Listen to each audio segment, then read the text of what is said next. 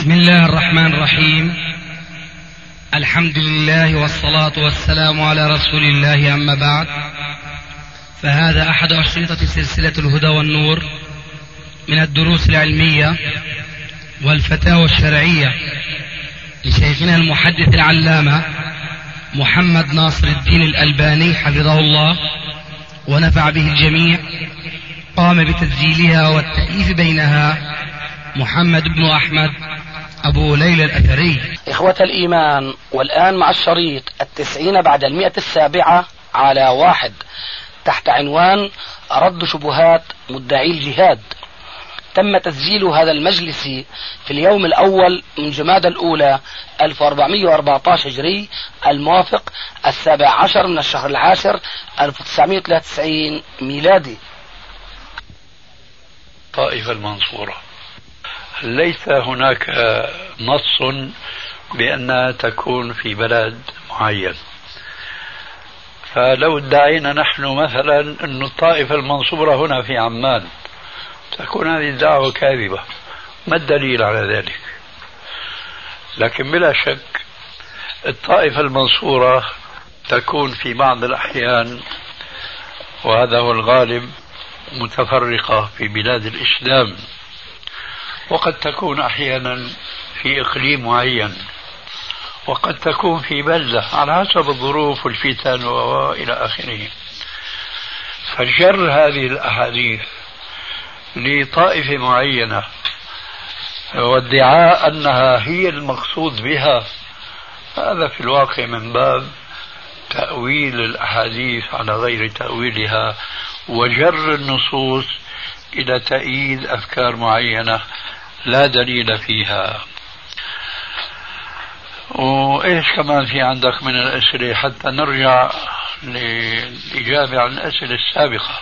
قصدي أنا أخذ فكرة عن أهمية هذه الأسئلة بالنسبة لموضوع الجماعة الإسلامية. لأنه أنت بدأت الحقيقة بمسألة أعتبرها ثانوية مع أنه يدل كمسألة ثانية على ضعفهم في فهم النصوص من جهة وضعفهم في معرفة الصحيح من الضعيف من النصوص في جهة.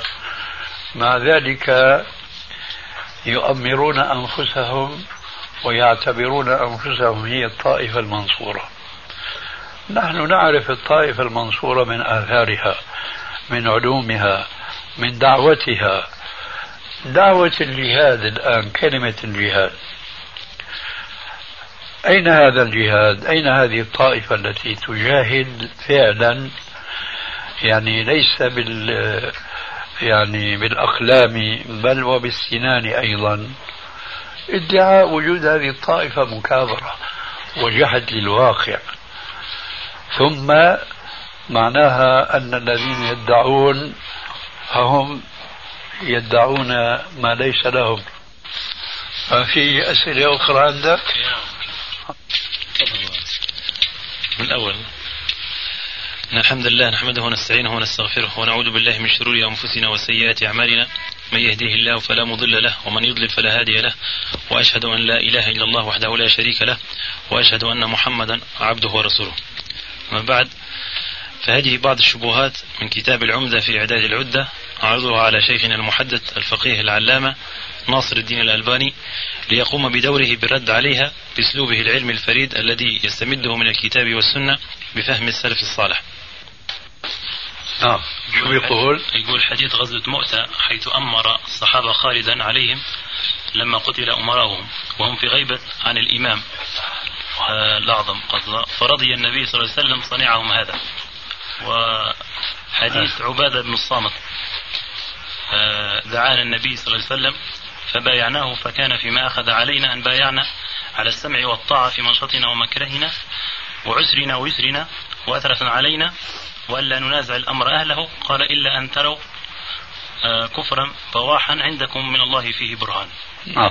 يقول ونحن نسأل أصحاب هذه الشبهة كيف يقاتل المسلمون في هذه الحالة حيث لا إمام؟ كيف تكون العدة؟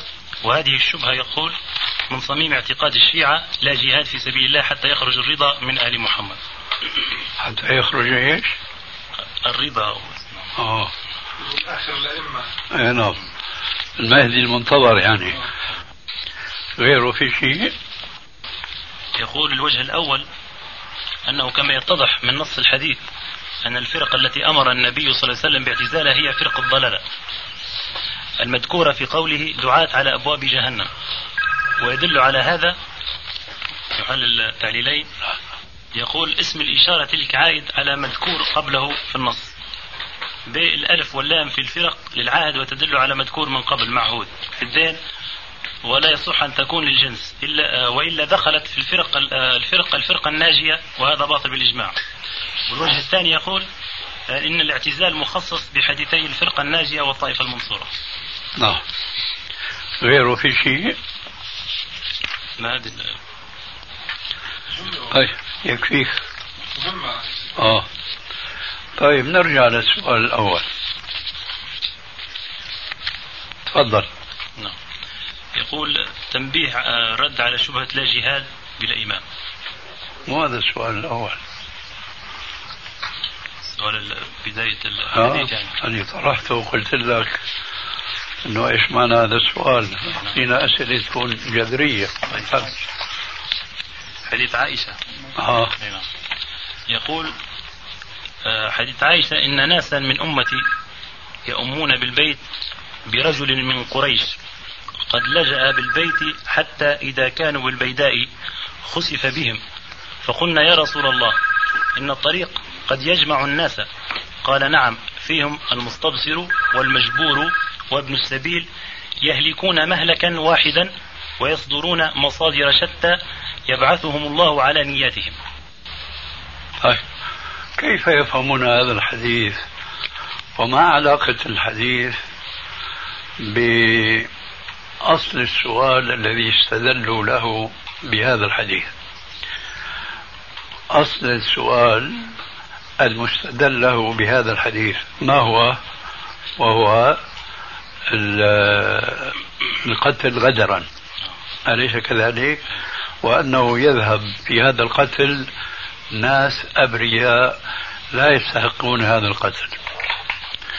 نحن نقول مع كل أسف أن هذا الاستدلال وحده يكفي ليكون رادعا لهؤلاء أن ينفرد عن علماء المسلمين بتفسير نصوص الرسول عليه السلام وتأويلها تأويلا باطلا.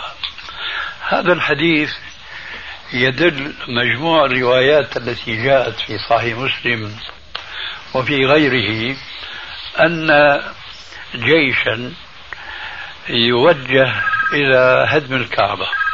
وفيهم كما جاء في هذا الحديث المستبصر. شو معنى المستبصر؟ يعني فهمان الغاية من ذهابه مع هذا الجيش. وفيهم عابر السبيل. مش عارف آه، شو الغاية. لكن كما يقال في بعض البلاد هات إيدك وامشي. وين رايحين؟ رايحين يجادوا في سبيل الله. لكن مو فهمانين انه رايحين لهدم بيت الله تبارك وتعالى. فهؤلاء يخسف الله عز وجل بهم الأرض ويهلكهم جميعا. فالسيدة عائشة استشكلت الأمر وقالت كيف هذا وفيهم كذا وكذا وكذا. فأجاب عليه السلام بأنهم يبعثون على نياتهم. كلمة يبعثون على نياتهم. ليس لها علاقة بالغدر والقتل لمن لا يستحق وإنما إلى علاقة بالذي ينضم إلى جيش. لا يعرف الغاية أن هذا الجيش قد يمم شطر ارتكاب محرم كبير فهو يبعث على نيته. فالحديث في واد والمستدل عليه في واد آخر. إنما يبعثون على نياتهم. فما علاقة القيام بالغدر بمثل هذا الحديث؟ هذا أولا. وثانيا هل هو سبيل إقامة الدولة المسلمة بمثل هذه الوسائل التي ابتلي بها كثير من ممن يدعون العمل الإسلام والجهاد في سبيل الله تبارك وتعالى؟ هل هكذا فعل الرسول عليه السلام حينما آه، بدأ لإقامة الدولة المسلمة؟ كل مسلم يعرف أن مثل هذه التصرفات لم تقع إلا في العهد المدني أي بعد أن أوجد النبي صلى الله عليه وآله وسلم فعلا الطائفة المنصورة. أوجدهم وعلمهم مما علمه الله ورباهم على عينه وبدأ يجهز هؤلاء لملاقاة الكفار. ونحن نعلم أن أول معركة قامت بين المسلمين وبين الكافرين لم تقم ابتداء من الرسول عليه السلام وأصحابه وإنما دفاعا عن آه، بلد المسلمين الذي غزي من الكافرين كما هو معروف في السيرة وفي قصة آه، غزوة بدر المعروفة. فلذلك الجهاد يحتاج إلى مقدمات ومقدمات كثيرة وكثيرة جدا. وهذا يربطنا ببعض الأسئلة التي سبق أن تلوتها علينا. نضم الجواب عن ذاك السؤال المتعلق بالجهاد. فيبدو أن هؤلاء الناس لا يفرقون بين جهاد وجهاد لا يفرقون بين جهاد الدفاع الذي معناه أن المسلمين هجموا في عقر دارهم فعلى المسلمين كلهم حتى النساء أن يقوموا كل فرد منهم بما يستطيع من جهاد في دفع صائلة هؤلاء الأعداء المهاجمين للمسلمين في عقر دارهم. هنا لا يرد موضوع الإمارة والأمير والاستعداد الواجب أن يقوم به المسلمون. بينما الجهاد الذي نحن نقول لا بد له من إمارة ولا بد له من قيادة ولا بد له من استعداد بالمعنيين المعنوي والمادي إلى آخره الجهاد المقصود به نقل الدعوة الإسلامية من بلد إسلامي إلى بلد غير إسلامي. ولذلك فهم في الواقع يخلطون شعبان برمضان. يخلطون الفرض العيني بالفرض الكفائي فالجهاد الأول الذي ذكرته آنفا في كلامي وهو الدفاع عن بلد المسلم المهاجم هذا فرض عين على كل مسلم. أما الفرض الآخر الفرض الكفائي فهو إنما يجب على طائفة من المسلمين دون كل فرد من أفراد المسلمين. وإذا عرفت هذا التفصيل سقطت أدلتهم كلها التي يسردونها للرد على من ينكر الجهاد من النوع الذي يراد به نقل الدعوة من بلد مسلم إلى بلد كافر. الذي يراد به مقاتلة من يلينا من الكفار. هذا لابد له من استعداد ولا بد له من تنظيم ولا بد له من كل وسيلة من الوسائل التي فيما يبدو للناس ولا بد ولا يكلف الله نفسا إلا وسعها. أنها من أسباب النصر والغلبة على الكفار. الآن بعد هذا البيان الذي أعتبره جوابا عما جاء في سؤال يتعلق بالجهاد. الآن أذكر الشبهات أو الأدلة في زعمهم التي ردوا بها علينا حيث توهموا أننا ننكر الجهاد مطلقا وأنه, وأنه نشترط له شرط الإمارة بينما نحن نفرق بين جهاد وجهاد. هات نشوف الأدلة. يعني لا جهاد بلا إمام. نعم. الشبهة متاع لا جهاد بلا إمام اللي هو إيه والآن قل قلنا نحن بجهاد بدون إمام. إيه. لكن نحن نقول الجهاد الذي مثلا نفترض أن هناك حكم آه، كافر صراحة. هذا بنص الحديث الذي جاء في سؤالك. آه، جائز إلا أن تروا كفرا بواحد. طيب. هذا الخروج على هذا الكافر كفرا صريحا. ألا يتطلب استعدادا؟ نعم. هذه نقطة فيها خلاف بين مسلم ومسلم؟ لا, لا. طيب. الآن هم يقولون جماعة الجهاد. أين جماعة الجهاد؟ وأين استعداداتهم التي تمكن لهم من الخروج على الحاكم الكافر كفرا بواحا؟ أين هذا؟ وأين الخلاف الذي يزعمونه أن الإمارة واجبة؟ نحن نقول الجهاد الذي يراد به الخروج هذا لابد له من إمارة. ولكن هذا وحده لا يكفي. لا يتطلب استعدادا معنويا واستعدادا ماديا انطلاقا من قوله تبارك وتعالى وأعدوا لهم ما استطعتم من قوة ومن رباط الخيل ترهبون به عدو الله وعدوكم هذا الخطاب الآن لا يوجد آه، تحقيقه في أرض إسلامية مع الأسف الشديد. ولذلك نحن نقول لابد لهذا. فأولئك الذين تسموا بجماعة الجهاد هل قاموا بهذا الواجب؟ طيب. فإذا هم ينصبون خلافا ولا خلاف. نحن نقول الجهاد نوعان. جهاد هو فرض عين وقد عرفت صورته. وجهاد فرض كفائي. وقد عرفت صورته. الجهاد الأول لا يحتاج لا إلى إمارة ولا إلى استعداد آه، يشابه هذا الاستعداد استعداد الكافر الذي هو أقوى منا. ولا يحتاج إلى مثل استعداد الحاكم الذي رأينا منه كفرا بواحا. لكن لابد من استعداد الذي يتمكن منه المسلمون.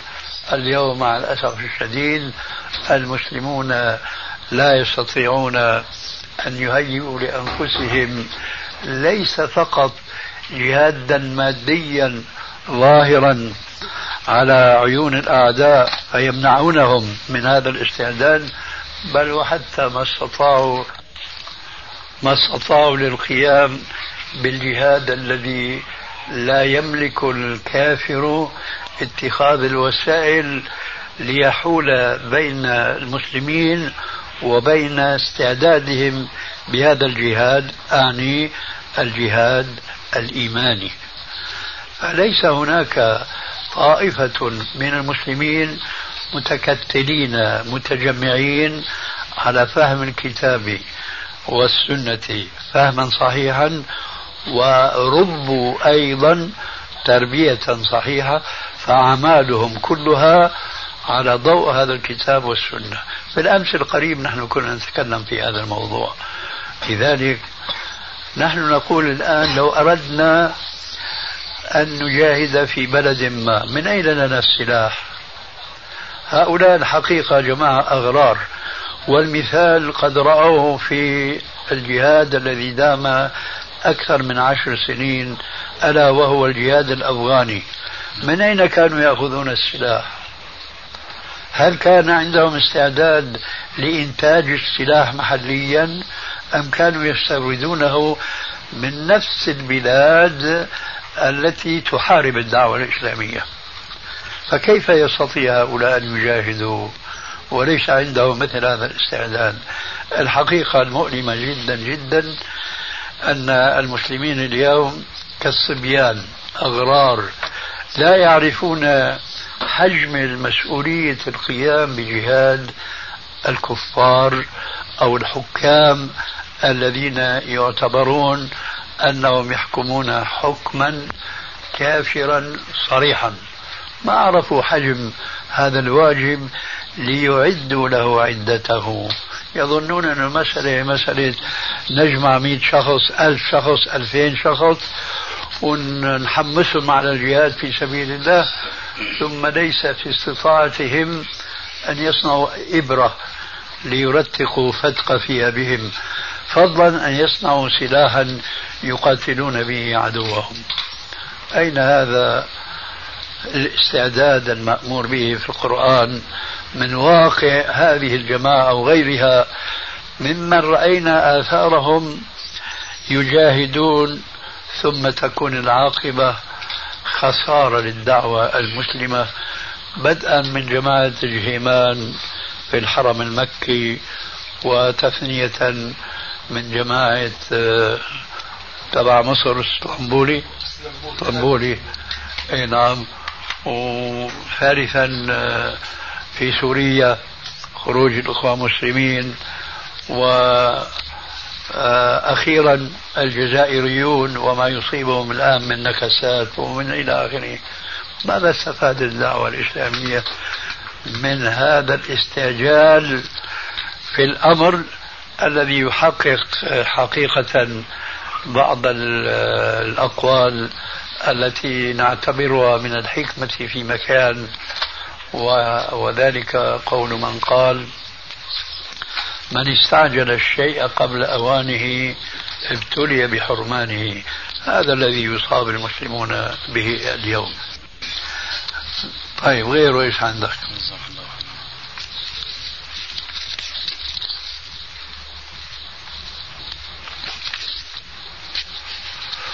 لا إله إلا الله.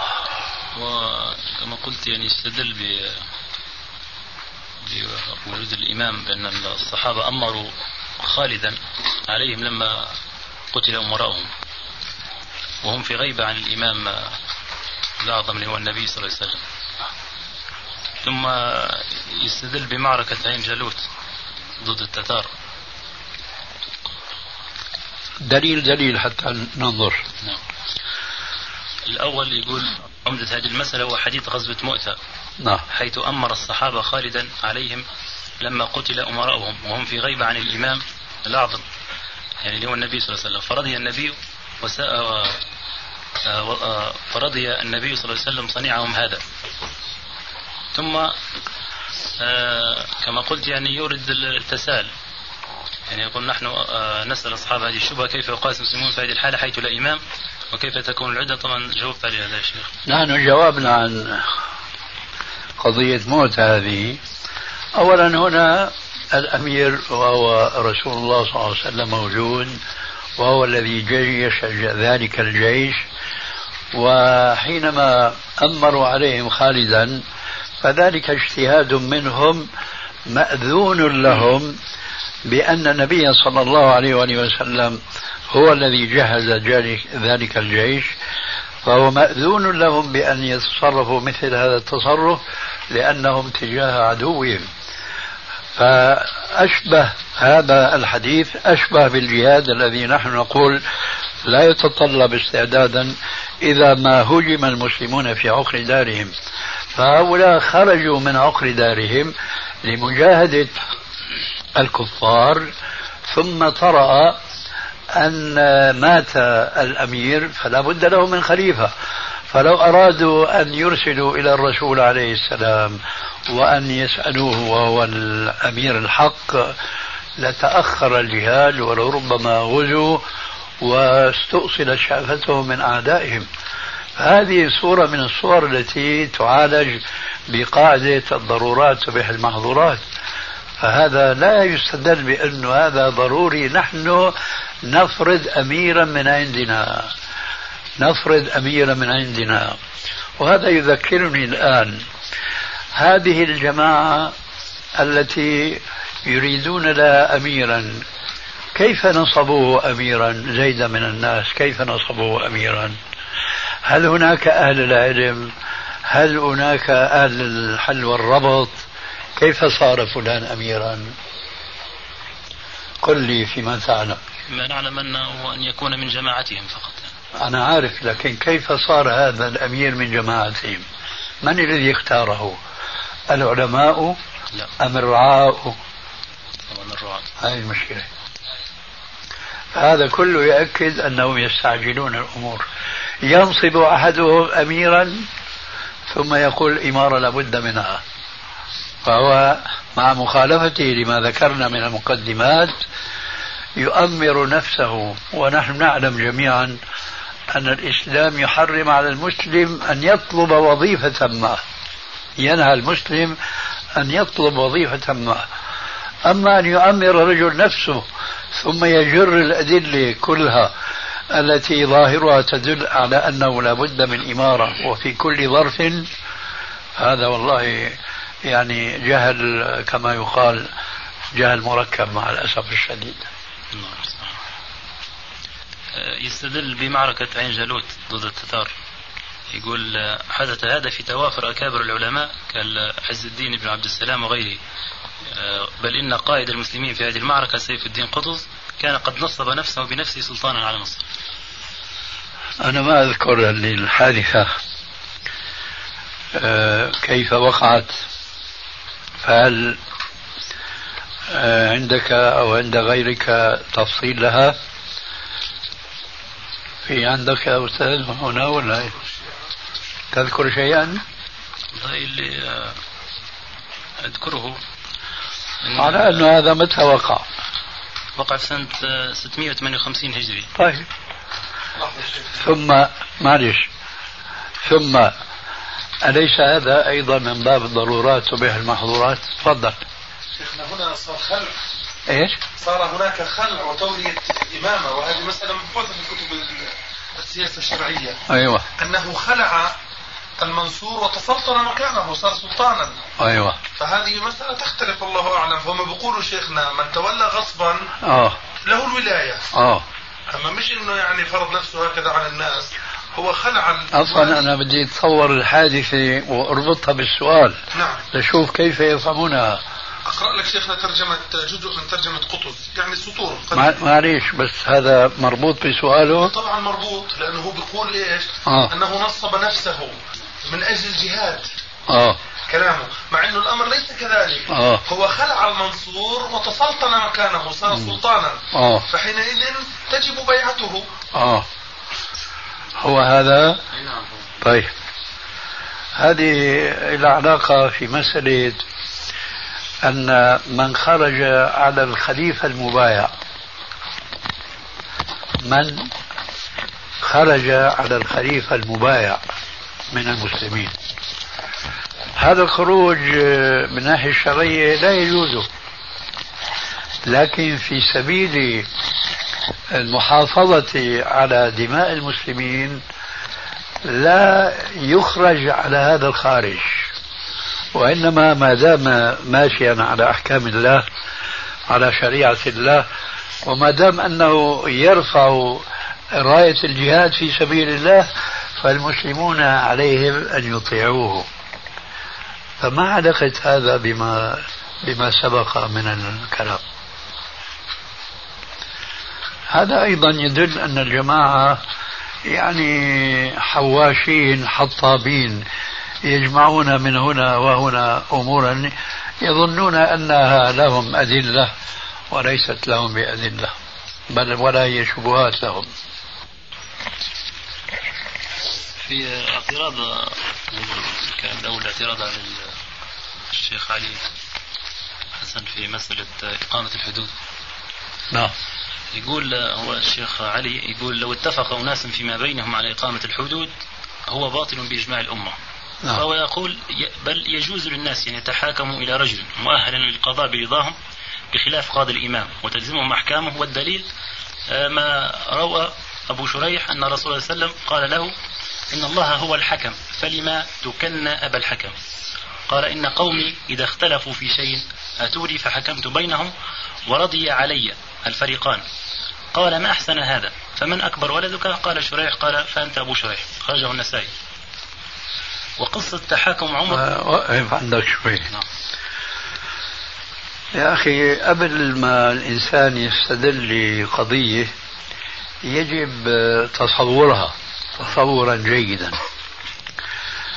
هل الموضوع آه، التحاكم إلى شخص معين في حالة وجود أشخاص في العراء في الصحراء ليس هناك حاكم وليس هناك نظام قائم أم البحث يدور مع وجود حاكم ونظام قائم أم البحث يدور حول مع وجود نظام قائم وحاكم يحكم.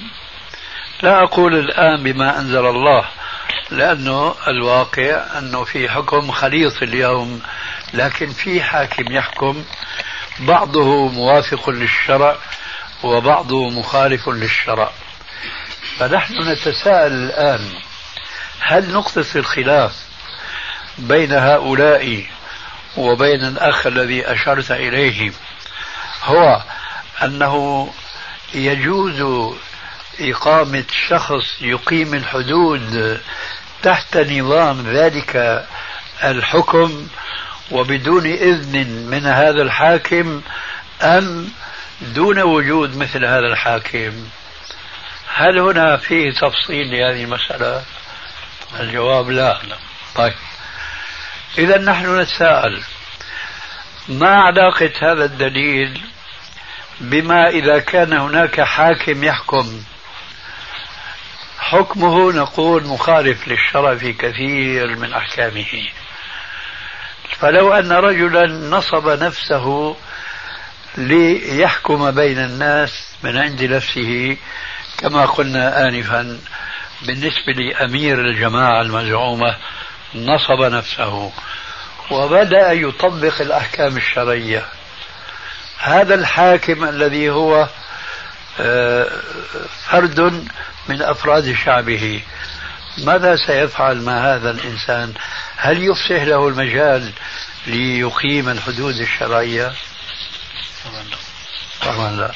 إذا الموضوع ليس في هذه الصورة التي نحن الآن نتحدث عنها.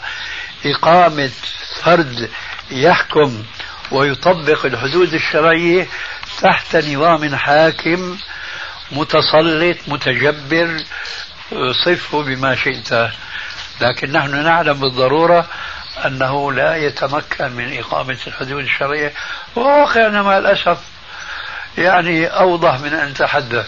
لو رأيت رجلا يسب الله ورسوله ما تستطيع أن تضربه بعصات في يدك لأن الحاكم لا ينتصر للحكم الشرعي هنا ولا يدافع عن الأحكام الشرعية.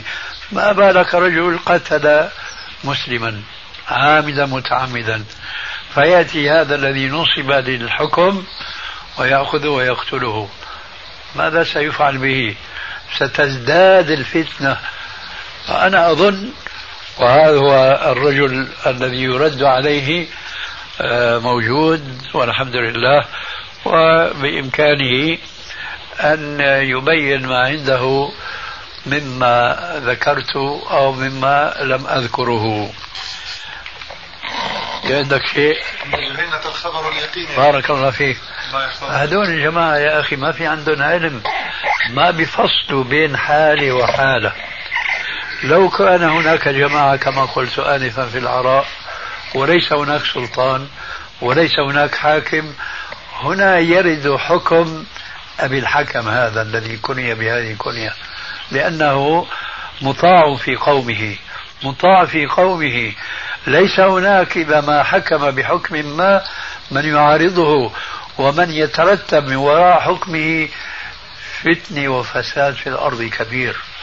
والقواعد الشرعية تعلمنا أن المسلم في بعض الأحيان يضطر لمخالفة الحكم الشرعي من باب دفع المفسدة الكبرى بالمفسدة الصغرى.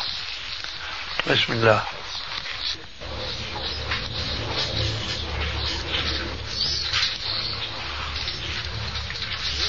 أبو الحكم هذا؟ بعدما سأله الرسول هذا السؤال وأجاب بما عنده. هل كان يقضي بين الناس ويحكم بين الناس وأظن أنك تفرق معنا بين الحكم وبين تنفيذ الحكم نعم. فأنا أحكم مثلا بأن فلان ما دام أنه زنى وهو محصن فهذا يجب رجمه بالحجارة. هذا حكم وحكم مطابق للشرع. لكن هل لي تنفيذ هذا الحكم؟ شرعا. هل لي تنفيذ هذا الحكم؟ أم ينفذه من ولي تنفيذ الأحكام؟ ولذلك كان في كل عصور الإسلام من يعرف بأنه مفتي ومن يعرف بأنه قاضي فالقاضي له اختصاصه والمفتي له اختصاصه. أشبه ما يكون بمدير الشرطة رئيس الشرطة. رئيس الشرطة ينفذ الحكم الذي يأتيه من الحاكم لكن هو ليس حاكما إنما هو منفذ. ولذلك فالخلط بين الأحكام هي مصيبة كبرى. أبو الحكم هذا هل كان في عهد الرسول عليه السلام آه، يقضي بين الناس دون أن يؤمره الرسول عليه السلام بأن يحكم بين الناس وأن ينفذ ما يحكم بين الناس؟ الجواب لا. إذا ليس لهذا الحديث علاقة بالموضوع أبدا. طلع معك شيء؟ تفضل. الإمام الأجري في كتاب الشريعة يروي بسنده عن عمرو بن يزيد قال سمعت الحسن أيام يزيد بن المهلب يقول وقد أتاه رهط. أيام يزيد بن المهلب فتنة كانت إيه، نعم. ذلك الحين.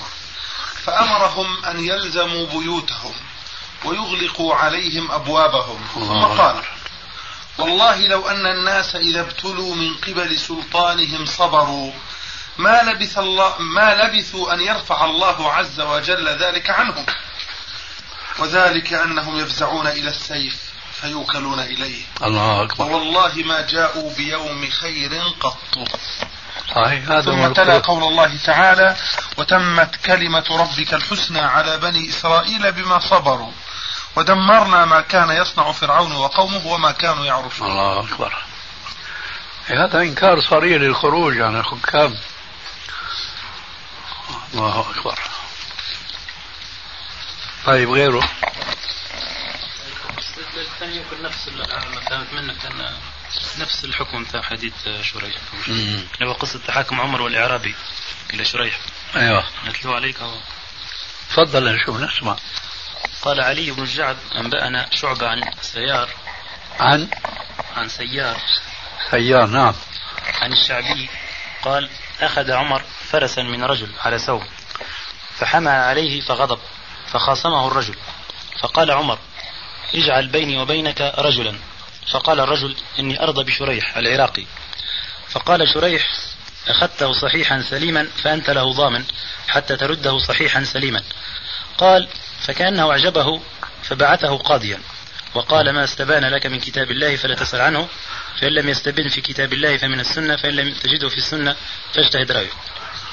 هذا نحن نقول به هذا يعني أمير المؤمنين عمر بن الخطاب طلب منه أن يحكم فرآه مصيبا في حكمه فوجده آلا ليكون قاضيا فولاه القضاء.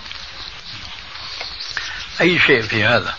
هل هناك من يقول لا يجوز القضاء في الإسلام لا يجوز أن ينصب الإنسان نفسه قاضيا وتحت حكم حاكم ظالم جائر مبير مسلم عادل مهما كان شأنه لا يتمكن من أن يقيم حدود الله إلا بإذن من هذا الحاكم وإلا كان حكمه فتنة على الناس كما قلنا آنفا.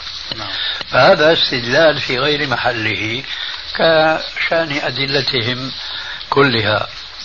والله المستعان.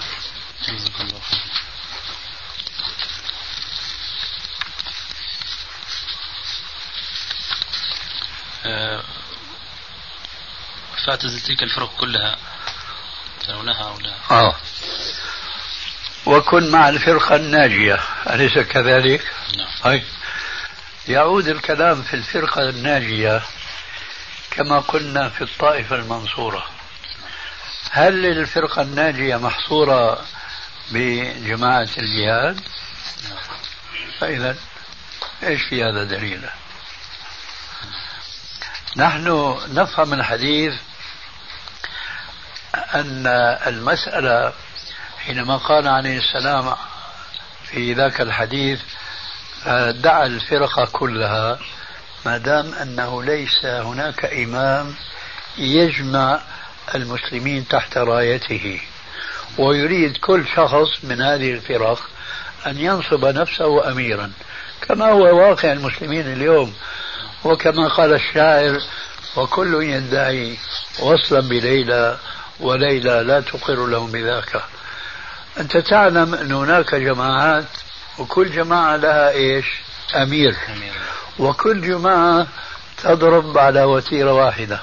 أنه كل واحد بيقول لابد من إمارة. طيب صار في عندنا إمارة هنا وإمارة هنا إمارة هنا.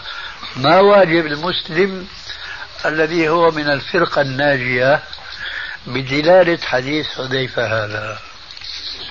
ما واجبه؟ بأنك دع الفرقة كلها. أي لا تتعصب لطائفة لفرقة دون فرقة ولو أن تعدى على جذع شجرة. القضية قضية أنه لا تكن عضوا في إمارة من إمارات كثيرة لأن هذه الإمارات ستتطاحن إلا إذا وجد إمام يحكم المسلمين جميعا ويجمعهم تحت راية واحدة فأنت يجب أن تكون معه. وإلا فدع الفرق كلها.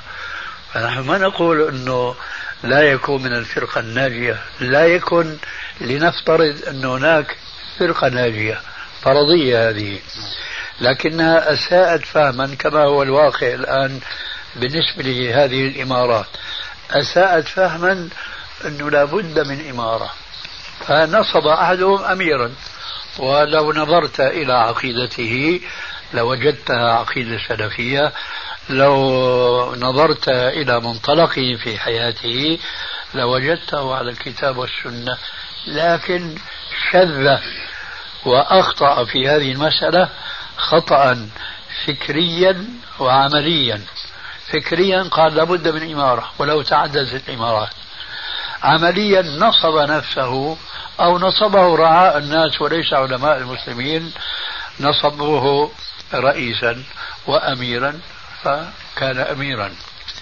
هذه الإمارات هي محور حديث حذيفة. لا تكن مع طائفة مع فرقة من هذه الفرق. ما دام ليس هناك إمام يجمعهم الحديث عظيم جدا وهو ضد ما يدعون دلالته لصالحهم.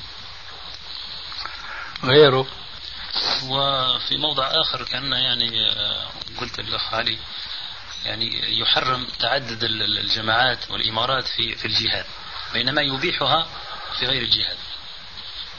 من هو؟ هذا صاحب الكتاب هذا. أيوه. أي.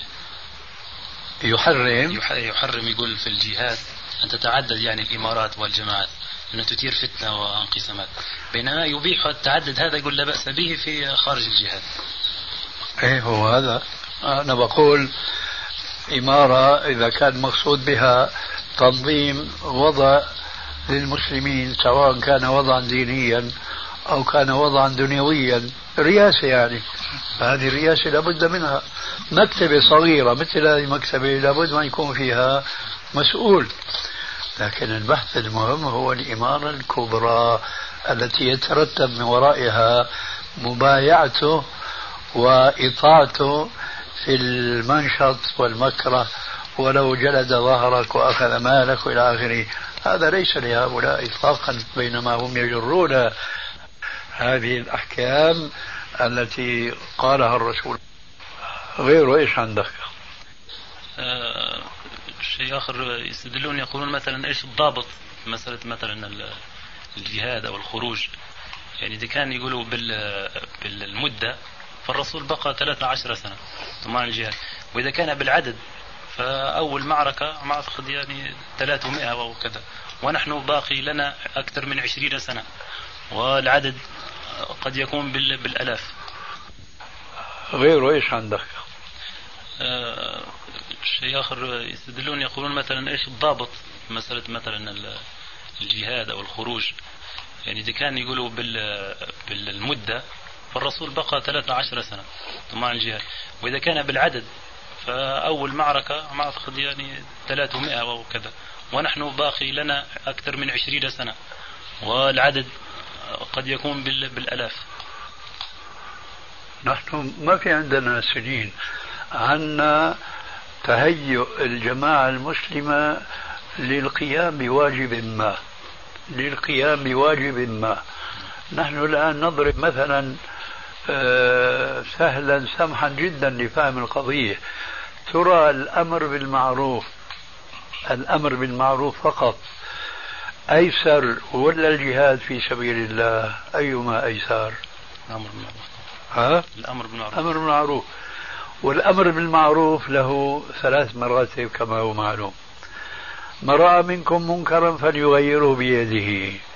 هذا تغيير المنكر بيده هل يستطيع المسلمون في بلد من البلاد الإسلامية هل يستطيعون القيام به؟ لا. كيف يستطيعون الجهاد يا جماعة؟ فمتى الآن يرد السؤال الذي أنت أوردته بالنسبة للجهاد. متى يتمكن المسلمون من الأمر بالمعروف من المرتبة العليا والأولى؟ هذا لا يسأل هذا السؤال. لأن هذا يتعلق بوضع المسلمين من حيث قوة إيمانهم وصبرهم وعلمهم وإلى آخره. هذا الأمر موكول إلى الله تبارك وتعالى. كل ما يمكن أن يقال من أجل وضع تلك الحدود كم سنة نحتاج؟ نقول هذا أمره إلى الله. لكن نحن علينا أن نمشي في حدود ما أمر الله عز وجل ونحن لا نعتقد أن النصر يستحقه المسلمون باستعداداتهم المادية والمعنوية إنما النصر بيد الله تبارك وتعالى. حينما نصر الله المسلمين في غزوة بدر وخذلهم في ابتداء الأمر في غزوة حنين ما كان هناك إلا علة واحدة في غزوة حنين. هو إعجابهم بكثرتهم كما هو مذكور في القرآن الكريم. لكن بعد ذلك الله عز وجل امتن عليهم ونصرهم. مع أنهم في الحادثة الأولى حيث انهزموا كانوا أكثر عددا من عددهم في غزوة بدر التي نصرهم الله تبارك وتعالى. فنحن علينا أن نأخذ بالأسباب ثم نتوكل على رب الأرباب. أما متى نصر الله؟ حتى إذا استيأس الرسل وظنوا أنهم قد كذبوا جاءهم نصرنا ونجي من نشاء. فالنصر من عند الله لا يمكن أن يوضع له حد وزمن إطلاقا. الأمور الشرعية ليست كالأمور المادية. نحن نسمع اليوم من بعض الدول الكبرى أنهم يضعون مثلا ميزانية خمس سنوات لمعالجة مرض ما أو مشكلة عارضة ما. ثم بعد هذه السنوات بغير البرنامج الأمور المادية يمكن تنظيمها إلى حد كبير وإخضاعها لإرادة الحكام. أما الأمور المعنوية هذه دقيقة ودقيقة جدا ولذلك فمن الخطأ إيراد مثل هذا السؤال. متى يكون العدد نحن لسنا مسؤولين عن العدد. نحن مسؤولين أن يستمر المسلمون في القيام بواجبهم وحينما يعلم الله عز وجل من هؤلاء أنهم يستحقون نصر الله ييسر لهم السبل التي لا تخطر في بالهم آه، سلوكها لأن الله عز وجل ينصر من يشاء. والله المستعان. نعم. شيخنا أشرتم كلامكم قبل قليل إلى غزوة حنين والآيات المعروفة فيها التي تمثل بحق منهجا عظيما. أي نعم. هل من الممكن أن نقول كقاعدة بأن آه، النقص في التربية سبب للهزيمة بدلالة هذه الآيات؟ لا شك. الله أكبر. لا شك. هذا في عبرة لأنه نحن نعتقد أن الصحابة قد ربوا. الله أكبر. لكن من زاوية واحدة أعجبوا فكان ذلك سببا لهزيمتهم. الله أكبر. فأين المسلمون اليوم. من قيامهم بكل ما يجب عليهم. لو درسنا ترجمة أفراد من أي جماعة التي تؤمر عليها أميرا أنا على مثل اليقين لوجدناهم ليسوا مسلمين لا أقول مؤمنين ليسوا مسلمين يعني ليسوا سالكين على الإسلام إلا ما شاء الله وقليل ما هو.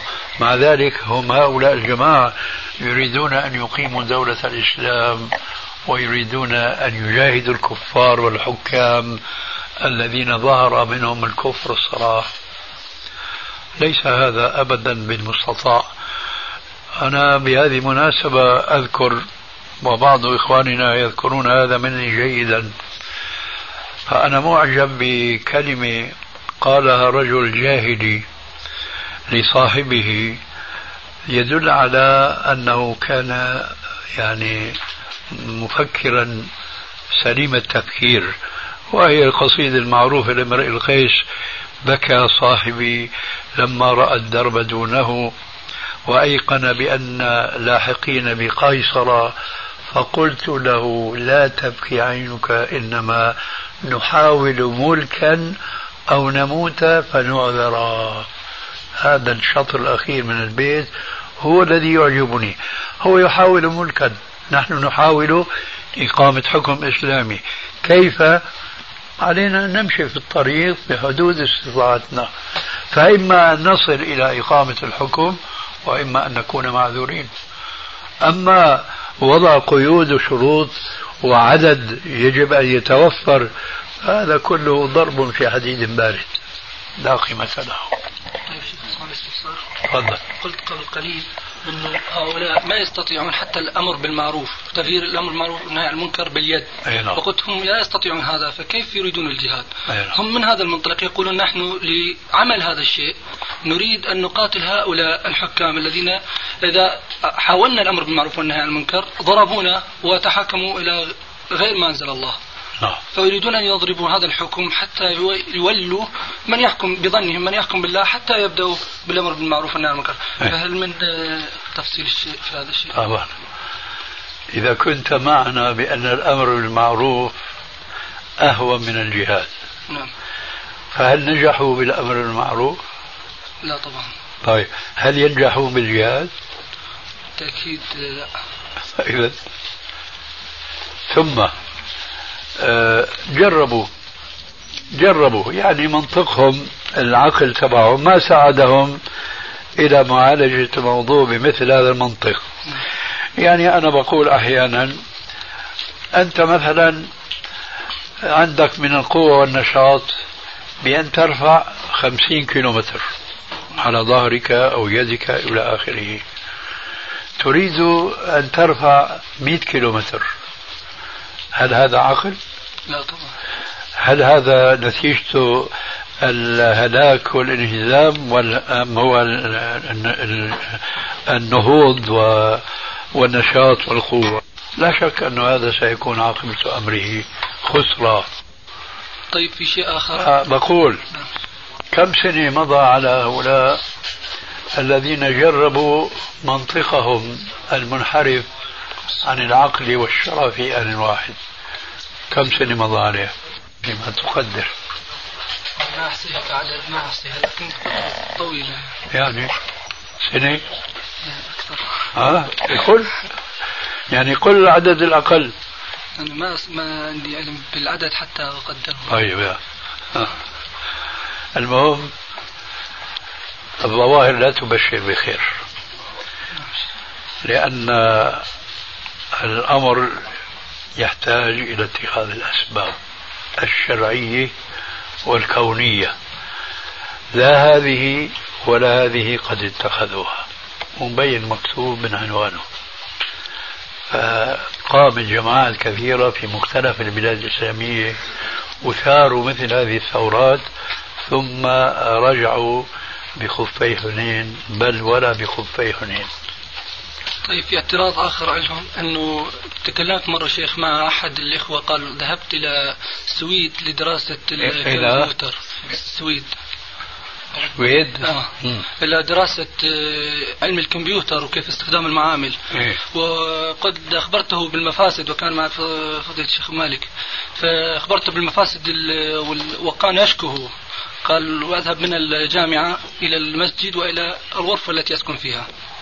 فأنت قلت له ما يجوز لك ذلك. وفي نفس الوقت الآن نوهنا قلت آه، هم يريدون الجهاد ولا يملكون حتى إبرة يعرفون كيف يصنعوها محليا لإخاطة رقع ثيابهم.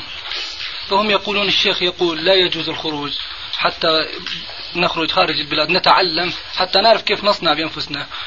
وكذلك يقول عندما نستشهد بالجهاد وكذا يقول ولا نملك نحن الأسلحة فكيف نوفق بهذا النقيضين أصبحا في نظرهم. ماذا فعل الرسول عليه السلام صلى الله عليه وسلم.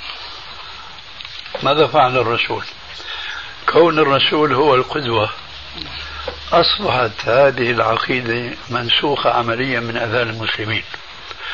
الرسول صلى الله عليه وسلم ما انتصر على فارس والروم اللي كانوا هن يومئذ أشبه ما يكون بأمريكا وروسيا قبل انهزامها. كانوا هما الدولتان العظيمتان مسيطران على العالم المعروف يومئذ. ثم نشأت الطائفة المسلمة بقيادة الرسول عليه الصلاة والسلام. فهل نصر الرسول صلى الله عليه وسلم بالسلاح المادي كأساس أم السلاح المعنوي؟ السلاح المعنوي طبعا. معنوي. هذا لا ينافي استعمال السلاح المادي في حدود الإمكانية لكن الأصل السلاح المعنوي. الآن هم يعكسون الموضوع. يقولون مثلا كما نقلت أن الشيخ يقول ما بيجوز الذهاب إلى بلاد الكفر. ليتعلموا مثلا العلوم التي تساعدهم للاستعداد المادي. نعم. هذا مفهوم تماما. لماذا يقول الشيخ هذا؟ ألا يعلمون لأن الشرع لا يريد بالمسلمين أن يورطوا أنفسهم في مفاسد خلقية وربما مفاسد عقدية وفكرية. هم يعلمون هذه الحقيقة. إذا هم يريدون كما يصرح بعض الدعاة الإسلاميين اليوم أن الغاية أن يحققوا أن الغاية تبرر الوسيلة أي لنكون نحن أقوياء مادة يجب أن نكون كالأوروبيين استعدادا ماديا. لا هذا مش وارد وأنا في اعتقادي لا يمكن للمسلمين وللدولة الإسلامية حينما تقوم قائمتها ونرجو أن يكون ذلك قريبا لا يمكن أن تكون هذه الدولة من حيث الاستعدادات المادية كالكفار لأن الكفار متفرغون لهذا الجانب من الاستعداد المادي بخلاف المسلمين حاكما ومحكومين ليسوا متفرغين للاستعداد المادي بل هم متوجهون للاستعداد المعنوي قبل الاستعداد المادي.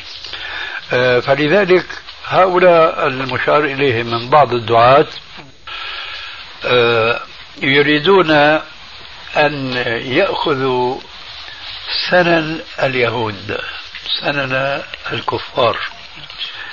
وهذا طبعا لا يجوز لأن الكفار آه، دمغهم الله عز وجل وطبعهم بقوله في القرآن الكريم يعلمون ظاهرا من الحياة الدنيا وهم عن الآخر عن الآخرة هم غافلون. المسلمون يجب أن يكون وضعهم على العكس تماما إلا ما شاء الله بقدر تطبيق قوله تعالى وأعدوا له ما استطعتم من قوة. قوة مادية لكن القوة الأساسية هي المعنوية الإيمانية. ولذلك فهذا الإيراد الذي نقلته عن الجماعة أيضا يدلنا على انحرافهم عن الفقه الإسلامي الصحيح. فنحن إذا قلنا مثلا لا يجوز للمسلمات أن يدخلن الجامعات المختلطة لأنه فيه فساد فيه تعريض للبنات وللشباب للفتنة. سيقال لنا من أين نأتي بالممرضات وبالطبيبات وإلى آخره؟ هذا يقال فعلا. نقول آه، في بعض الأمثال لكل ساقطة في الحي لاقطة ليس كل النساء ولا الشباب المسلم والمسلمات. ليس كل فرد من أفراد هؤلاء عنده استعداد لتطبيق الأحكام الشرعية بكاملها. فإذا قال قائل كما سمعتم آنفا أن ذلك الشخص الذي تكلم من تايلاند وسأل عن الربا ما الربا. نعم. إذا قلنا قال رسول الله صلى الله عليه وسلم لعن الله آكل الربا وموكله وكاتبه وشاهديه. هل كل المسلمين يستجيبون لهذا الأمر؟ الجواب لا. إلا, إلا القليل منهم.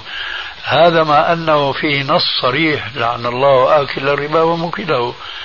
وليس هناك نص صريح يفهمه عامة الناس كما يفهمون هذا النص الصريح المتعلق بالربا ليس هناك نص صريح في تحريم الاختلاط وبخاصة إذا كان مؤولا لتحصيل علم من العلوم الكفائية إيه. فإذا أنا لا أتصور أن كل المسلمين والمسلمات راح يخضعوا لهذا الحكم الشرعي إذا وجود طبيبات هذا كمثال سيتحقق بقيام الأفراد المنحرفين. مش ضروري نحن نكون كبش الفداء. بجوز هذا المنحرف قد يصاب كلا أو جزءا في شرفه في عرضه ومع ذلك في النهاية ستكون طبيبة وتعالج النساء المسلمات بدل ما يعالجهن الطبيب من الرجال. إذا الغاية لا تبرر الوسيلة. والشبهة التي ألقيتها آنفا تنطلق من هذه القاعدة اليهودية. نقلتها شيخ. ها؟ نقلتها أنا عنهم. جزاك الله خير. وإياك شيخ. استدلال في إمارة الجماعات على إمارة السفر. كيف؟ استدلال قياس إمارة الجماعات على إمارة السفر. أيوة. يقول أنه هو قياس صحيح للعلة المشتركة. فيقول البحث الآن هو في ما العلة في إمارة السفر. يقول الحق أن العلة ثابتة بالنص. في نفس الحديث. ولكنها مفتقة مفتقة ما هي العلة المنصوص عليها في الحديث؟ العلة اللي هي في نهاية البحث بتاعها بأن العدد ليس السفر أسألك ما هي العلة المنصوص عليها في الحديث في دعواهم؟ في دعواه هو أن العدد وليس السفر اللي اللي وين العلة في الحديث؟ إذا كنتم ثلاثة. إذا كنتم ثلاثة في سفر هو حي حياتي بها الآن. لا ما أعتقد. نعم. يقول قال لي تعدد الأوصاف المترتب عليه الحكم في الحديث فيجب تحديد أي هذه الأوصاف هو المؤثر في الحكم. يقول إن أقل عدد تجب فيه الإمارة هو ثلاثة لحديث أبي ذر وحديث أسامة بن زيد لرجل بعد أن يكون أميرا على رجلين. وهذا العدد يقول هو نفسه المذكور في حديث إمارة السفر. يقول فهذه الإمارة متعلقة بالعدد لا بالسفر وهذا هو تنقيح المناط كيف هذا؟ شو نص الحديث؟ نص الحديث إذا كنتم ثلاثة في سفر. في سفر. نعم. طيب. كيف متعلق في العدد الصواب أن يقال بالعدد والسفر. فإذا انتفى أحد العلتين انتفى الحكم. بمعنى إذا كنتم ثلاثة هل يجب إذا كانوا اثنين؟ لا. لا. طيب. إذا كانوا ثلاثة ولم يكن في سفر هل يجب؟ لا. فإذا كلام باطل هذا. في الحديث علتان. إذا وجدتا وجدت وجد المعلول كما يقول الفقهاء الحكم يدور مع العلة وجودا وعدما العلة هنا العدد والسفر. فإذا انتفى إحدى العلتين انتفى المعلول وهو الحكم. وبرغم أنه يقر بأن يسميه حديث إمارة السفر. هذا هو. سبحان الله. بس لا يفوتني أن ألفت نظرك أن الحديث الذي تلوته في أول الجلسة بلفظ فيه تفصيل وركنوا إليه لأنهم وجدوا فيه ارتياحا فيما يظنون أنه يؤيد دعواهم. اقرأ الآن نص الحديث الثاني. يقول لا يحل لثلاثة يكونون بفلات من الأرض إلا أمروا عليهم أحدهم. آه. لا يحل لثلاثة يكونون في فلاة من الأرض. هذا الحديث أولا كما قلت في أول الجلسة لا يصح. وثانيا هو لو صح لكان دليلا لما قلت لك آنفا أن من كان جماعة إذا كانوا في العراء يعيشون ليس عليهم حاكم. هؤلاء لينظموا أمورهم عليهم أن يؤمروا أحدهم. كما قلت بالنسبة للحكم كان إيش؟ مطاعا في قومه فكانوا يقبلون حكمه. هذا الحديث هذا محله فيما لو كان صحيحا. لكن هذا الحديث ليس صحيحا إنما الصحيح هو باللفظ الأول. إذا كنتم ثلاثة في سفر فأمروا أحدكم. أما الحديث الثاني بلفظ لا يحل فهذا في الواقع له قصة معي ومع جماعة حزب التحرير بصورة خاصة. لا يحل. لا يحل لثلاثة. آه. الحديث لكن لفظ بلفظ لا يحل أي نعم. هذا له قصة. آه ربما يعلم الحاضرون شيئا من أفكار حزب التحرير. هؤلاء بلا شك آه، كبعض الجماعات الأخرى لهم أمير ويجب إطاعته في كل ما يقوله. إلى درجة أنه لو أمر الأمير بحكم مخالف للشرع فيجب إطاعته. خلاف الحديث المعروف لا طاعة لمخلوق في معصية الخالق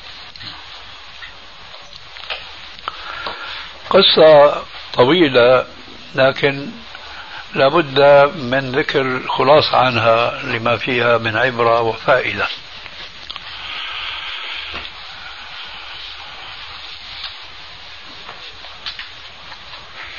كنت في دكاني في دمشق حينما رن الهاتف لأول مرة يتصل بي أحد رؤوس حزب التحرير من دمشق يسألني عن هذا الحديث. يومئذ لم يكن عندي دراسة خاصة حول هذا الحديث. أجبته أنا والله ما أدري ما حال هذا الحديث المعروف الحديث الأول وهو في سنن داود وغيره. لكن سأدرسه إن شاء الله. بعد أيام اتصل بي ودرست الحديث فتبين بأن في إسناده رجلا معروفا بالضعف عند علماء الحديث وهو من أفاضل العلماء المصريين والقضاة واسمه عبد الله بن لهيعة. هذا الرجل هو تفرد بهذا النص. فأجبته بأن الحديث بهذا اللفظ ضعيف. لكني استغربت لأول مرة سؤال حزبي تحريري لشخص هم يعلمون أنني كنت منتصبا للرد عليهم. وبيان أنهم منحرفون عن الكتاب والسنة في كثير مما يذهبون إليه. فبدأت أبحث عن السبب فتبين لي ما يأتي. رئيس حزب التحرير الذي هو تقي الدين نبهاني رحمه الله انتقل إلى عفو الله إن شاء الله. عقد جلسة مع أصحابه. طبعا مع مجلس شوراه أرادوا أن ينشروا نشرة وكما تعلمون من عادتهم أنهم يشتغلون بأمور سياسية ويعلنون آراءهم صراحة في مخالفة بعض الحكام في بعض قراراتهم. دار الحديث حول نشر نشرة من هذا القبيل. فصار خلاف في المجلس. الشيخ الرئيس رأى نشر هذه الرسالة. على الرغم ما فيها من قسوة. الجماعة قالوا لا الآن المصلحة لا تسمح لنشر هذه الرسالة. صار خلاف بين الرئيس وبين المرؤوسين فاحتج عليهم بما كان طبعهم عليه أنه يجب إطاعة الأمير. هذا رأيكم لكن أنا رأيي أن هذه النشرة يجب أن تنشر. فناقشوه بمنطقه هو. قالوا له أنت بتقول وتستدل بحديث آه، فليؤمروا أحدهم الحديث الأول. وبيقولوا هن أنه الأمر لا يفيد الوجوب. حزب التحرير هكذا يقول. الأمر لا يفيد الوجوب لابد من أن يكون هناك قرينة. فقال لهم القرينة الحديث الثاني حيث صرح وقال لا يحل. إذا حرام عليكم أن تخالفوني. بهت أصحابه وقالوا نحن ما نعرف هذا الحديث. فقالوا في أنفسهم نرجع بعد عالم الحديث. رغم أنوفهم يعترفون بأن الألباني هو المرجع. فاتصل هذا الذي أشرت إليه آنفا. فلما أعطيته الجواب بأنه هذا الحديث لا يصح لكن القاعدة يا جماعة تكفيكم. الأصل في الأمر الوجوب إلا لقرينة. هذا هو رأي جمهور علماء الأصول. فكان هذا الحديث وثبوت الضعف عندهم فيه سبب لمخالفة أميرهم. سبب لمخالفة أميرهم. لأنه فيه التصريح بلا يحل. الأمير تشبث به والآخرون قالوا ما دام أنه لا يصح إسناده فإذا ليس علينا بالواجب أن نطيعك. هذا يستحب ويسن. أما أنه واجب ومن يومئذ صار فرقة بين أهل المجلس فبعضهم بقي مع الشيخ رحمه الله وبعضهم انفصلوا عنه.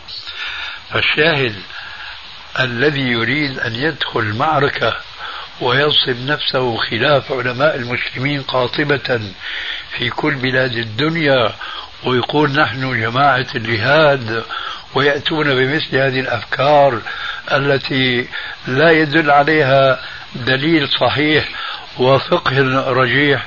هذا والله منتهى الخطر من الناحية النفسية التي يمكن الاستدلال عليها ببعض النصوص الشرعية كمثل قوله عليه الصلاة والسلام ثلاث مهلكات شح مطاع وهوى متبع وإعجاب كل ذي رأي برأيه.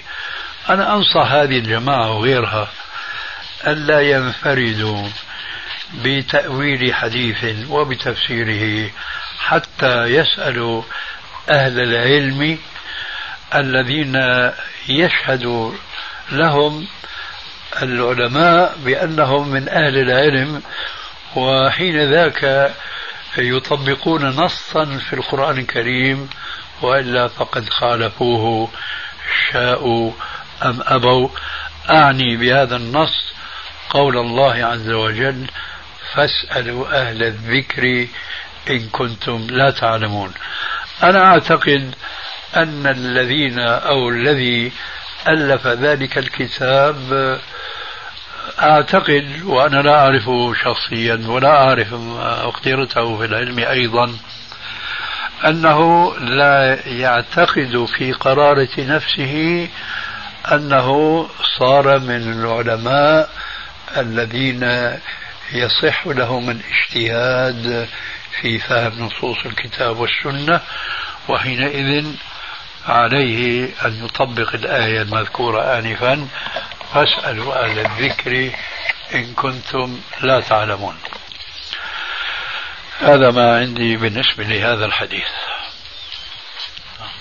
هو على قولك يعني فاسألوا أهل الذكر آه، يأتي بشبهات لهؤلاء الشباب عندما يسألون يقولون مثلا نرجع للشيخ الألباني أو الشيخ عبد العزيز أو غيره فيقولون لهم أن الشيخ الألباني أو الشيخ عبد العزيز لهم فهم في الفقه والحديث والمسائل هذه. أما المسائل الجهادية والقتالية تحتاج إلى خبرة وكذا فتأخذون من من؟ من من هم في الجبهة ومن من هم آه، يعرفون هذه الأمور. صحيح إنه الألباني ولا أبن باز ولا غيره يمكن ما بيعرفوا يحملوا السلاح لكن لا يعرفون أحكام الجهاد؟ يعرفونه. إيش معنى الكلام هذا؟ الله أكبر. هذا من تسويد الشيطان لهم وتزيينهم لفتاواهم المخالفة للكتاب والسنة. إيش قلت؟ هذا يقولون من تأويلهم يقولون أنه الشيخ الألباني أو الشيخ ابن باز ما علموا بفقه الواقع. نحن على الأرض شلون يقولوا؟ على الأرض الحية. الشيخ الألباني جالس طيب. ورا الكتب طيب هاتوا فقها واقعا وهاتوا حكمه شرعا. هاتوا نشوف سنقول لكم أنتم أعرف بالواقع. لكن هذا الواقع لا يوصيكم الحكم. الحكم يؤخذ من كتاب الله ومن حديث رسول الله. سبحان الله هذه مكابرة عجيبة جدا. الأسئلة حينما ترد إلى علماء المسلمين من كل بلاد الدنيا تأتي عن مسألة وقعت. هل يعلم المستفتى هذه المسألة؟ لا يعرفها. لكن المستفتي يصف هذه المسألة كما وقعت. لماذا لا يأخذ الحكم هو من هذا الواقع ويسأل العالم؟ لأنه يعلم أن العالم على الرغم من أنه لا يعرف هذا الواقع لكنه يعرف حكم هذا الواقع. فمن العجيب أن أن يبرر فتاواهم فتاواهم القائمة على الجهل بالكتاب والسنة بأنهم أعرف من فلان بالواقع. بارك الله لكم في معرفتكم بهذا الواقع. لكن هذه المعرفة لا تعطيكم حكم هذا الواقع. فلا بد لكم من أن تسألوا أهل الذكر كما هو نص القرآن الكريم. أي مسألة يسأل عنها العالم ليس من الضروري أن يكون عارفا بها كواقع. هذا أمر طبيعي جدا.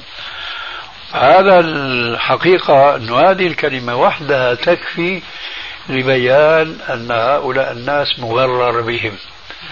يعني يبررون انحرافاتهم العلمية بأنهم يعرفون الواقع أكثر من أهل العلم. يا أخي كل من وقعت له مشكلة وهي لا تعد ولا تحصى هو أعرف بها من المستفتى من العالم. لكن هو لا يستطيع أن يعطي الحكم إلا بسؤال العالم. ولذلك نحن نستدل بالآية السابقة عليهم أن يسألوا أهل العلم. الآن قامت جماعة الجهاد. ماذا تريد؟ تريد أن تجاهد في سبيل الله. طيب ما يعرف العلماء والفقهاء حكم هذا الجهاد؟ وهل هو مستطاع أو غير مستطاع؟ وهل يجب أن تقدم بين يديه الاستعدادات التي أشرنا إليها آنفا وبخاصة منها الاستعدادات المعنوية؟ سبحان الله. الله المستعان. فتن كخطى الليل المظلم. بقي عندك شيء يا أخي؟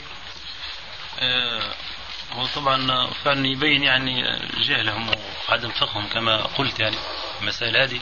يعني ذكرتها للشيخ علي وذكرت هذا منذ بداية الحديث بأنه يحرم يعني تعدد الجماعات في الجهاد طيب. ويحلها في خارج الجهاد.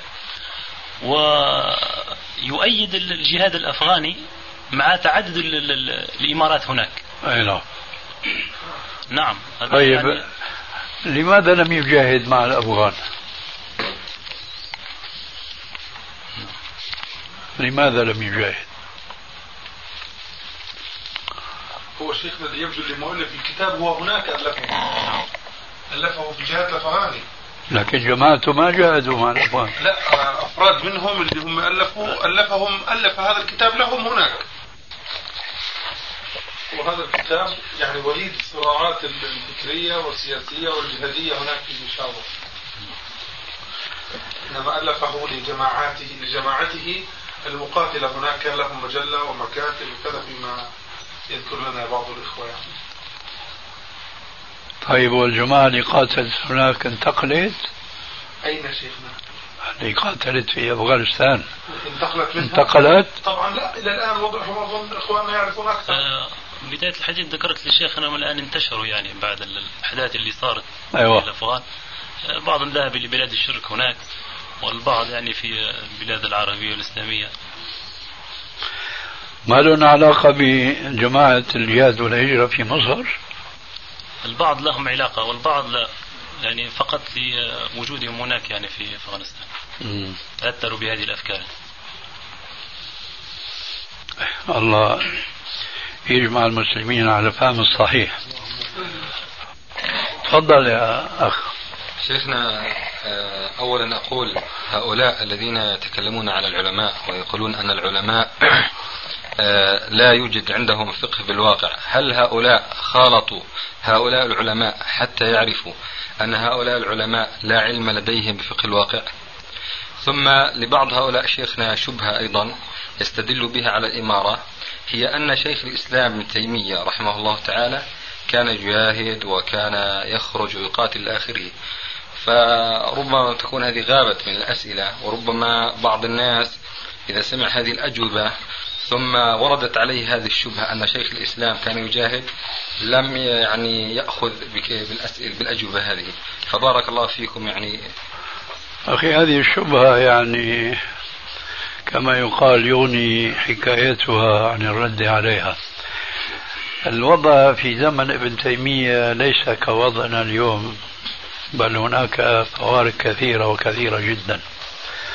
أول ذلك أن الجهاد في سبيل الله كان عقيدة إسلامية بقسمي الجهاد اللذين ذكرتهما آنفا الكفائي والعيني اليوم اسم الجهاد يكفي لإنكاره على الداعين إليه فشتان بين ذلك الوضع والوضع الذي نحن نحياه اليوم.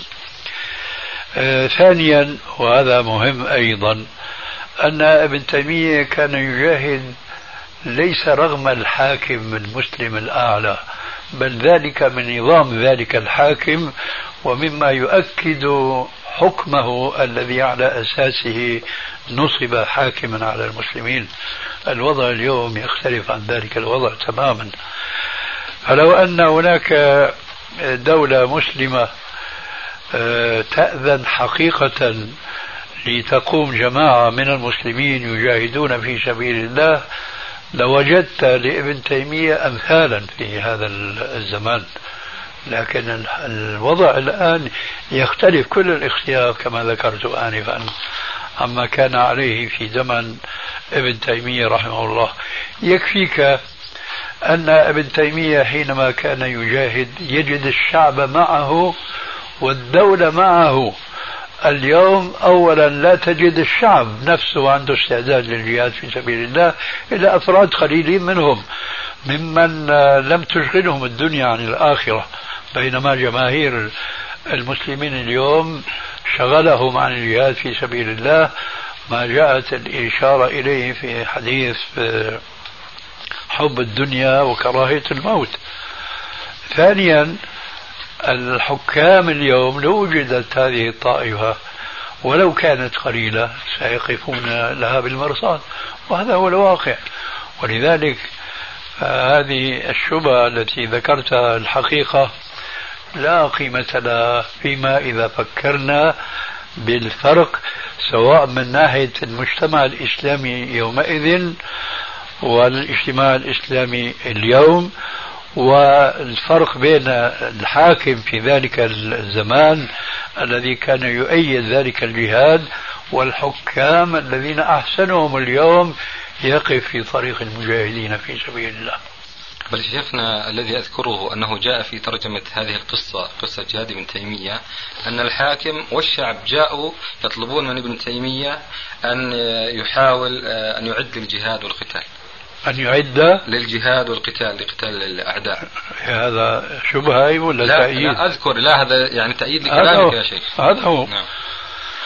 إيه، والحمد لله. وسبحانك اللهم وبحمدك أشهد أن لا إله إلا أنت. أستغفرك وأتوب إليك. أعوذ بالله السميع العليم من الشيطان الرجيم من همزه ونفثه ونفخه. يا أيها الذين آمنوا اتقوا الله حق تقاته ولا تموتن ولا تموتن إلا وأنتم مسلمون. واعتصموا بحبل الله جميعا ولا تفرقوا. واذكروا نعمة الله عليكم إذ كنتم أعداء فألف بين قلوبكم. فألف بين قلوبكم فأصبحتم بنعمته إخوانا. وكنتم على شفا حفرة من النار فأنقذكم منها.